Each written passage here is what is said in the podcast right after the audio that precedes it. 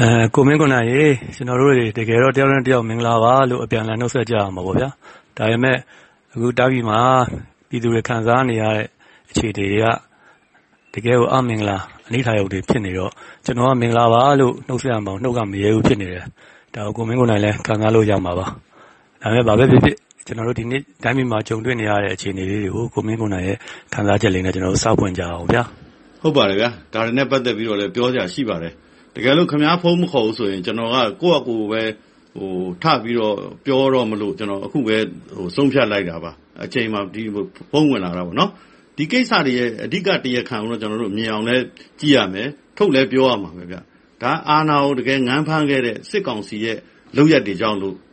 ဆိုမယ်ဆိုရင်ငင်းမဲ့သူမရှိဘူးဘာဖြစ်လို့လဲဆိုတော့သူတို့ရဲ့မတရားဖိနှိပ်မှုတွေကြောင့်ပညာတတ်လူရန်စားတွေရောကျောင်းသားလူငယ်တွေရောတာမန်ပြည်သူတွေရောဗျာတော်တော်များများရှောင်တင်းခဲ့ကြရတယ်ဗျအခုလိုကိုဗစ်တတိယလှိုင်းကြီးလည်းဖြစ်ရောဒီဆရာဝန်တွေဆေးဝန်ထမ်းတွေသူနာပြုတွေပရိဟိတအဖွဲ့အစည်းတွေတော်တော်များများကအစင်သင့်အနေထားမရှိကြတော့ဘူးလေဗျာရှောင်ရတိန်နေရတဲ့ဆရာဝန်တွေသူနာပြုတွေဆေးဝန်ထမ်းတွေက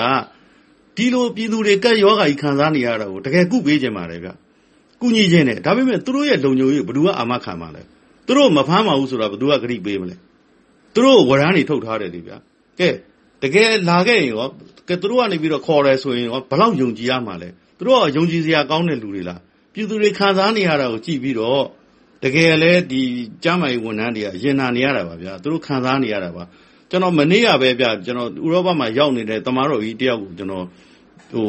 ပြောတယ်ဗျပြောတော့ तू ကအလားအလာတွေတက်ချက်ပြတယ်ဗျထပ်ပြီးတော့ဗျာကျွန်တော်တို့မြောက်ပွားကိန်းကနန်းနေနဲ့တွက်လိုက်လို့ရှိရင်လူတွေကိုတန်းနဲ့ချီပြီးတော့ကူးဆက်သွားမှာကို तू အသိစိုးရိမ်နေတယ်သူတွက်ချက်အိမ်နဲ့တော်တော်ကြီးကိုစွတ်စွတ်နစ်နစ်နဲ့စကားအောင်ဆုံးအောင်မပြောနိုင်ခဲ့ဘူးဗျအခြေအနေကအဲ့လိုရှိတယ်ဗျ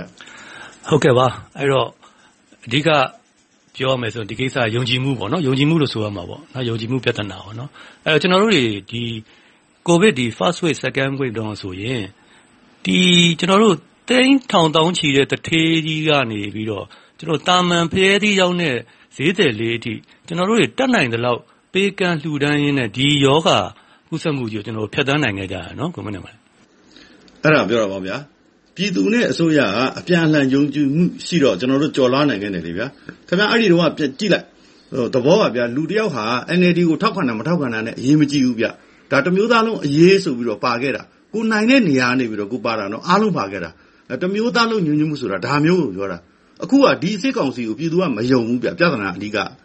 ပမာဗျခင်ဗျာဘဏ်ကိစ္စတုန်းကအတိုင်းကျွန်တော်တို့ပြောခဲ့တာပဲပြန်ကြည့်မယုံကြည်လို့ဖြစ်ခဲ့တာမယုံကြည်လို့ဘဏ်တွေလဲပြိုခဲ့တာ ဆိုတော့ဒါကတော့ပြည်သူအလွန်တော့မဟုတ်ဘူးနော်အဲ့တော့မယုံကြည်ရင်လက်မတွဲဘူးမပူပေါင်းဘူးမပူပေါင်းလို့ရှိရင်မအောင်မြင်ဘူးဗျပြဿနာအဓိကတော့ချက်ကဒါအဲဟုတ်ပါတယ်အဲ့ဒါကတော့အသေးကြပါပဲဗျာကဲအဲ့ဒါဆိုရင်ဗျာကျွန်တော်တို့ဒီအခုစစ်ကောင်စီကမလုံနိုင်ဘူးဆိုရင်ကျွန်တော်တို့ဒီ NUG အစိုးရကတော့ကျွန်တော်တို့ဘာလုပ်ပေးနိုင်မလဲအကယ်၍များစစ်ကောင်စီနေရာမှာ NUG အစိုးရဆိုရင်အခုထက်ပိုပြီးတော့လုပ်ပေးနိုင်မလားဗျဒါလည်းမေးသင့်တာဗောအခုလောလောဆယ်ကြည့်ဗျာ NUG အစိုးရအနေနဲ့ဒီ တိုင်းရင်းသားတွေထိန်းချုပ်ထားတဲ့နယ်မြေတွေလွတ်မြောက်နယ်မြေတွေမှာသူကပြည်သူလူထုနဲ့ပူးပေါင်းပြီးတော့လုပ်နိုင်တယ်ဗျဘာလို့လဲဆိုတော့ယုံကြည်မှုရှိတယ်ဗျပူးပေါင်းပြီးတော့ထိန်းချုပ်တယ်ဗျကာကွယ်တယ်ဗျအဓိကကတော့ပြည်သူလူထုရဲ့ပူးပေါင်းပါဝင်မှုပဲဗျအဲ့တော့မေးနော်ဘယ်နေရာပဲဖြစ်မြန်မာနိုင်ငံရဲ့ဘယ်ဒေသမှာပဲဖြစ်ဖြစ်ပေါ့နော်စစ်ကောင်စီမပါဘူးဆိုရင်အဲ့ဒီပြည်သူထောက်ခံတဲ့အစိုးရမှန်လို့ရှိရင်အားလုံးကအရင်လိုပူးပေါင်းမှာပဲအရင်လိုပြန်ပြီးတော့တမျိုးသားလုံးတညီတညွတ်ထဲကိုထိန်းချုပ်ကာကွယ်နိုင်မှာပဲဗျ ဘာမဆိုစိန်ခေါ်နိုင်ပါတယ်ဗျာတကယ်တော့အားလုံးညီနေတယ်ဆိုရင်တော့ဟုတ်ကဲ့အခုဒါဆိုရင်အခုကျွန်တော်တို့နိုင်ငံတွင်းမှာဖြစ်နေတဲ့ဒီနိုင်ငံရေးစစ်ရေးတွေကာယောဂါဘေးတွေကအကျိုးဆက်တွေကကျွန်တော်ဒီဘေးပတ်ဝန်းကျင်အိန္ဒိယနိုင်ငံတွေတော့အနည်းနဲ့အများဒါရိုက်ခတ်မှာအမှန်ပဲဗျဒါကဒေသတွင်းမတည်ငြိမ်မှုကိုဥတီလာစေမှာကျင်းသေးတယ်အဲ့တော့နိုင်ငံတကာအတိုင်းဝိုင်းတွေရဲ့အခန်းကဏ္ဍရောဘယ်လောက်ထိအရေးကြီးလာမလဲကိုမင်းကိုလည်းတစ်ချက်သုံးသပ်ပါအောင်နိုင်ငံတကာဟလား နိုင်ငံတကာတို့ ပြောလိုက်တာနဲ့ ကျွန်တော်တို့ဟိုငင်းငန်းစွာ ဆန္ဒပြတော့ကရက်ရက်ဆက်ဆက်ပြစ်တတ်တော့ကညှဉ်းပန်းပြီး နှိမ့်ဆက်ခံတော့ကကျွန်တော်တို့ R2P တောင်းခဲ့တာကို သတိရတယ်ဗျ ဘယ်တော့မှ မမေ့ဘူး အဲ့ဒီချိန်မှာ အကြောင်းပြချက်တွေကလည်း အများသားကလားစီးရီးယားလို ဖြစ်သွားမယ် ဘော့စနီးယားလို ကိုဆိုဗိုလို ဖြစ်သွားမယ်ဆိုတဲ့ လူတွေက ရှိသေးတယ်ဗျ တကယ်တော့ အဲ့ဒီလို နေရာတွေမှာ ဖြစ်ခဲ့တာကဒီဒီအမြောက်ဆန်တွေဘုံတွေကြီးစံတွေဂျားထဲမှာ သေခဲ့ကြတာ အခုလောလောဆယ် ဒီကိုဗစ်က ဒီလောက် အားလုံး ဂုတ်ကို ခွစီးနေတဲ့အချိန်မှာ ဘာတွေဖြစ်လာမှာလဲ ကျွန်တော်တို့ဟိုဇွန်ဗီကားတွေတွေကလို့ဗျာ အလောင်းကြီးထပ်သွားအောင် မနိုင်မနှင်းဖြစ်သွားမှအဲ့တော့မှ စဉ်းစားမယ်ဆိုရင်တော့ နောက်ကျပြီနော် ဒါကို ကျွန်တော်ပြောချင်တာ ကျွန်တော်တို့ တနိုင်ငံလေးတည်းမဟုတ်ဘူး ဒေသတွေနိုင်ငံတွေရော ဥပမာ ခင်ဗျာစဉ်းစားကြည့်လိုက်ဗျာ အောက်ဆီဂျင်ရှာရင်းရှာရင်းနဲ့ လူတွေ ဘယ်ကိုရောက်ကုန်ကြလဲ ဘာတွေဖြစ်ကုန်ကြလဲ အဲ့တော့ တောမီလောင်မီဆိုရင် ခြေဦးတရာ ပြေးကြမှာ အလဲလဲပြပြပြေးကြမှာအဲဒေသတွေမှာ ဆက်ပြီးတော့ ပြတ်မှာပဲ အခုစင်ကာပူကနေပြီးတော့ကျွန်တော်တို့စီကလူတွေကိုလေစိမ့်မှာပိတ်ပြီးဟိုနေ့ရဆိုလို့ရှိရင်ရွှေလီမှာနေဆက်မှာပိတ်ပြီးအဲဒါမဲ့ပိတ်ပေမဲ့ရရနီးတွေနဲ့စီယိုတွေချိုးဖြတ်ပြီးတော့ပြေးကြမယ်ကူးကြမယ်ဆက်ကြမယ်အဲသေးကြတာကဒါကိုစစ်ကောင်စီကမထိန်နိုင်ဘူးဗျဘာဖြစ်လို့လဲကျွန်တော်ပြောပြီးပြီလေပြည်သူလက်ခံတဲ့အစိုးရမှမဟုတ်တာယွန်ကြောက်ကြီးကိုနော်သူ့ကိုမပူးပွားဘူးဗျဆက်စုပ်တယ်ဗျမယုံဘူးဗျဘလို့ပူးပေါင်းမလဲခင်ဗျားပဲစဉ်းစားပါဒါပေမဲ့အခုဒီစစ်ကောင်စီကကျွန်တော်တို့ဒီကမ်းလန်း ချက်လေးတွေများတွေ့နေသလားလို့ဗျာခင်ဗျားမျက်စိနဲ့မြင်အောင်ကြည့်လိုက်လေနော်လမ်းလေကောင်ကြီးမှာဆရာဝန်တွေကိုဂျူတီကုတ်တွေချွတ်ခိုင်းတယ်ဒူးထောက်ခိုင်းတယ်မှောက်ခိုင်းတယ်အရေးပေါ်ကယ်ဆယ်ရေးကားတွေကိုဖျက်ဆီးတယ်အသက်ကယ်ဝတ်စုံဝတ်ထားတဲ့ဒီ rescue တပ်ဖွဲ့ဝင်တွေကိုမျက်နှာကိုစစ်ဖက်နှက်ကြီးနဲ့ဖြတ်ကန်တယ်တနက်တင်နဲ့အဆက်မပြတ်ထုတယ်ဗျာခင်ဗျဒီဗီဒီယိုကလစ်တွေမပြောက်သေးဘူးအဲ့ဒါဘသူကပူပေါင်းဝင်မှာလဲဘသူကယုံရဲမှာလဲတကယ်တော့ဗျာကျွန်တော်တို့လူမျိုးကမရိုင်းပါဘူးဗျ ပထမလိုင်းဒုတိယလိုင်းတော့ပြန်မြင်အောင်စမ်းပါဗျအားလုံးထွက်လာကြတာဗျာကြည်ရုပ်လက်မြက်မရွေးဗျာထွက်လာကြတာဗျာနော်လူကြီးလူငယ်မရေးအားလုံးပါပြီးတော့ကူခဲ့တာခုခံခဲ့တာဗျာစိန်ကုန်နိုင်ခဲ့တာအနိုင်ယူခဲ့တာဗျာဟုတ်ပါတယ်ဗျာအဲ့ဒီတုန်းကကျွန်တော်တို့တွေကုညီတဲ့လူတွေများလုံးကကြည့်လို့ကျွန်တော်တို့တားအောင်ယူရတဲ့အဆင့်ဖြစ်ခဲ့ရပါတယ်ဗျာဒါပေမဲ့ဗျာအခုစစ်ကောင်စီကတခါထပ်ပြီးတော့ဒီ CDM ဆရာဝန်တွေကိုအပြစ်တင်နေကြရင်ဗျာအဲ့ဒါတွေလည်းပြောပြပါဦးဗျာသူတို့တစ်သက်လည်းဘယ်တော့မှသူတို့ အပြစ်ကိုသူတို့ဝန်ခံတယ်ဆိုတာရှိလို့လဲဗျာသူတစ်ပါးထိုးချတာကြီးပဲဟာခင်ဗျာဒီပြဿနာကနားလေတဲ့လူတိုင်းသိတယ်ဗျာဒါကကုသရေးကအဓိကပြဿနာမဟုတ်ဘူးကတ်ယောဂါဆိုကုသယောဂါဟုတ်ဗျာနော်ဘာတော့ပါလဲစနစ်တကျကာကွယ်ရမယ်ထိန်းချုပ်ရမယ်အဲ့ဒီအတွက်ဗျာနံပါတ်1ဘာလုပ်ရလဲပညာပေးလှုံ့ဆော်ကြရတယ်လေအဲ့ဒါတွေကိုလိုက်နာကြတယ်ဟလာစေတနာဝန်ထမ်းတွေထွက်လာကြတယ်အဲ့ဒီစေတနာဝန်ထမ်းတွေဟိုနေရောညပါလုတ်တဲ့သူတွေအတွက်ကျွန်တော်တို့ကြိုတင်ပြင်ဆင်မှုတွေလုပ်ရတယ်လေဗျာ P center တွေစောင့်ရတယ် Q center တွေစောင့်ရတယ် ထောက်ပံ့ရေးတွေ လုပ်ရတယ် အဲ့ဒီထောက်ပံ့ရေးလုပ်တဲ့ လူတွေနဲ့အတူပေါ့ဗျာခုနလို center တွေမှာ လုပ်အားပေးတဲ့ လူတွေကိုဗျာဝိုင်းပြီးတော့ဖြော်ပြပေးကြတာမျိုး အားပေးတာမျိုး ထပ်မံအားပေးတာမျိုးတွေ လုပ်ကြရတယ်ဗျာနော်အဲ့တော့ ကိုယ်မှာရှိတဲ့ ဓနရှိရင်လည်းရှိပေါ့ဗျာလှုပ်အားရှိရင်လည်းရှိ ပညာရှိရင်လည်းရှိပေါ့အားလုံးပေါင်းခဲ့ရတာဗျာနော်အခုကဲအတင်းကြောင်းတွေကို အတင်းဖွင့်ခိုင်းတာတွေ သူသူတို့လှုပ်လာတယ်ဗျာနော်စားတော့ဆိုင်တွေ အတင်းဖွင့်ခိုင်းတာတွေလှုပ်လာတယ် နောက်ဘာလဲဆိုတော့ပိုက်ကြော်ချင်းတယ်ဗျာပြိုင်ပွဲတယ်ဗျာထုတ်စီတိုးပြိုင်ပွဲတယ်ဗျာဟာခမရလှုပ်တာကိုကြည့်နော်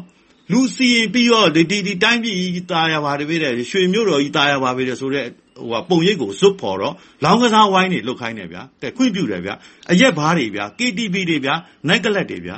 လူတွေကစီကားပျော်ပါပါတယ်ဆိုတော့တရုတ်ဆောင်စံညုံကိုအဇွတ်ရိုက်ခဲ့တာဟုတ်ဗျာကဲတကယ်ဖြစ်လာတော့ခင်ဗျားခုနေ့ကပခုတ်ကူစေးရုံကမြင်ကွင်းကိုကြည့်ပါဒါ line ပေါ်မှာရှိပါတယ်နော် ပီဖြစ်သွားပြီဆိုတဲ့လူတွေ positive ဖြစ်သွားပြီဆိုတဲ့ကြောက်ရွံ့ထိတ်လန့်နေတဲ့လူတွေကိုဘာပြောနိုင်လဲစေရုံကအိမ်ပြန်နဲ့အိမ်ပြန်ဆိုတာအရက်သေးကိုပြန်ခိုင်းတာလေဗျာအရာထဲမှာကူးနိုင်တယ်ဆိုတာလူတိုင်းသိတယ်အိမ်ကလူတွေကူးနိုင်တယ်ဆိုတာလူတိုင်းသိတယ်ပြန်ခိုင်းတယ်ဗျဘာဖြစ်လို့လဲစိတ်ကဘာမှမလုပ်နိုင်တော့ဘူးတဲ့ဟောအ ਨੇ ဆုံး P center တွေတော့မရှိတော့ဘူးဒါ P center မှာထားရမှာကျွန်တော်ဗျာဒါဒါဒါဒါကိုကတော်တော်ကိုခင်ဗျပေါ်နေပါပြီဗျဟုတ်ပါတယ်ဒါကျွန်တော်တို့ဒီပြည်တွင်းမှာအခြေအနေကတော်တော်ကိုစိုးနေပြီဆိုတော့အဲ့တော့ကျွန်တော်တို့အနေနဲ့ ကဲဒါဆိုရင်နိုင်ငံတကာရဲ့အကူအညီနဲ့နိုင်ငံတကာရဲ့အခမ်းကဏ္ဍလေးကိုလည်းကျွန်တော်တို့ပြန်ပြီးတော့ဆက်ပေးပါအောင်ကိုမင်းကိုနိုင်အဲ့တော့အာနာသိန်းတာကိုကြည့်လိုက်အာနာသိန်းတဲ့အခါမှာတိုင်းပြည်ပြိုလဲတယ်နော်အထူးသဖြင့်ကျန်းမာရေးကိစ္စပေါ့နော်ခင်ဗျားအခုကိစ္စမှာကြည့်လိုက်ဗျာဒီဒီဒီဒီအောက်ဆီဂျင်ဖြည့်နေရင်းနဲ့ရက်ခိုင်းလိုက်တယ်ဗျာမဖြည့်ပါနဲ့တော့တဲ့ဘာဖြစ်လို့လဲဆိုတော့ ကျွန်တော်အိမ်ကမိဘဆုံးသွားပြီတဲ့နောက်လူသာပေးလိုက်ပါလို့ပြောလိုက်တဲ့ဗီဒီယိုကလစ်တွေကျွန်တော်တို့တွေ့နေရတယ်ဟိုမှာ platform မှာဗျာအသက်လူရှုနေရတဲ့ကလေးတယောက်ကိုလူငယ်လေးတယောက်ကိုအတော်ကြီးကလှမ်းပြီးတော့အားပေးနေတာသားလေးသားလေးခေါ်ပြီးတော့ခဏလေးစောင့်ပါဆိုပြီးတော့အောက်ဆီဂျင်ရတော့မယ်ရတော့မယ်ဆိုတော့ဒီဟာတွေမြင်ရတာလူတိုင်းခံစားရတယ်ဗျအဲ့တော့လက်တွေ့မှာဘာဖြစ်နေလဲ ကျွန်တော်တို့ အောက်ဆီဂျင်ဘူးကို ဝင်လူတာခါရတယ်တနက်တွေဖောက်ပြီးတော့ မောင်းထုတ်တယ်ဗျာ ကဲ အိမ်တိုင်း ထိတ်လန့်နေရတယ်ဗျာမိသားစုဝင်တွေ အားလုံးဖြစ်နေတဲ့ အိမ်တွေတောင် ရှိနေပြီ ဘော်ဒါဆောင် တချို့တွေမှာလည်း ဘော်ဒါဆောင်တစ်ခုလုံး ဖြစ်တယ်ဗျာအဲ့တော့ အောက်ဆီဂျင် အသနာခံနေတဲ့ post တွေဗျာတက်လာတိုင်း လူတွေ ဘယ်လောက် နာကျင်ရလဲနော်ဆိုတော့ ကျွန်တော်ပြောချင်တာကဲနိုင်ငံတကာနိုင်ငံတကာ ကြည့်ကြပါ ကျွန်တော်တို့ တိုင်းပြည်တွေကို အောက်ဆီဂျင်တောင်မှ မှောင်ခိုဝယ်နေရတဲ့ ပြည်သူတွေဘဝကို ကြည့်ပါ တချို့စေးဆိုင်တွေ ပိတ်ဖို့ ညွှန်ကြားတဲ့လူနဲ့ဗျာ လူတွေမှာ ကူရကဲရမဲဗျာတစ်ချိန်တို့ကူးဆက်လာပြီဆိုတော့ကျွန်တော်တို့တခါပြောပြီးပြီနော် R2P နဲ့ပတ်သက်လို့ကတော့ကျွန်တော်တို့ပြည်တွင်းဖြစ် R2P ပဲကိုယ့်အကိုကာကွယ်မယ်ကိုယ့်ပြည်သူကိုကာကွယ်မယ်ဒါကစစ်ကောင်စီရဲ့အကြမ်းဖက်မှုကနေပြီးတော့ကျွန်တော်တို့ကာကွယ်တာကိုပြောတာနိုင်ငံတကာကမမျှော်ဘူးဒါကျွန်တော်တို့တန်တိတ်တာကျွန်တော်တို့ပြည်သူတွေခိုင်ပါတယ်ကိုယ့်အကိုကိုအားကိုကိုမယ်အခုကကတ်ယောဂကတ်ယောဂအဲ့ဒီအတွက်ကတော့ဝင်မှဘာဖြစ်လဲနိုင်ငံတကာဝင်မှကင်တွယ်ရမယ်ထိန်းချုပ်ရမယ်ကာကွယ်ရမယ် တွန့်ဆုတ်တွေးဝေနေမယ်ဆိုရင်နောက်ကြမှာအဲနောက်ကြဝိုင်းတော့လူသားတစ်မျိုးနယ်လုံးတဲ့နောင်တရရကြတယ်ဖြစ်မှာပဲဒီစစ်ကောင်စီရဲ့လူသားမဆန်မှုကိုလူသားဆန်မှုတွေနဲ့ဝင်ကယ်ရမှာကျွန်တော်တခါပြောဥပါတယ်ဗျာရေနစ်တဲ့လူကိုကယ်ဖို့ဆိုတာကအစည်းအဝေးလုပ်เสียမလိုပါဘူးလို့ကျွန်တော်ပြောပြီးပါပြီအခုဒါတိုင်ပင်ထိုးသိရင်ထိုးတော့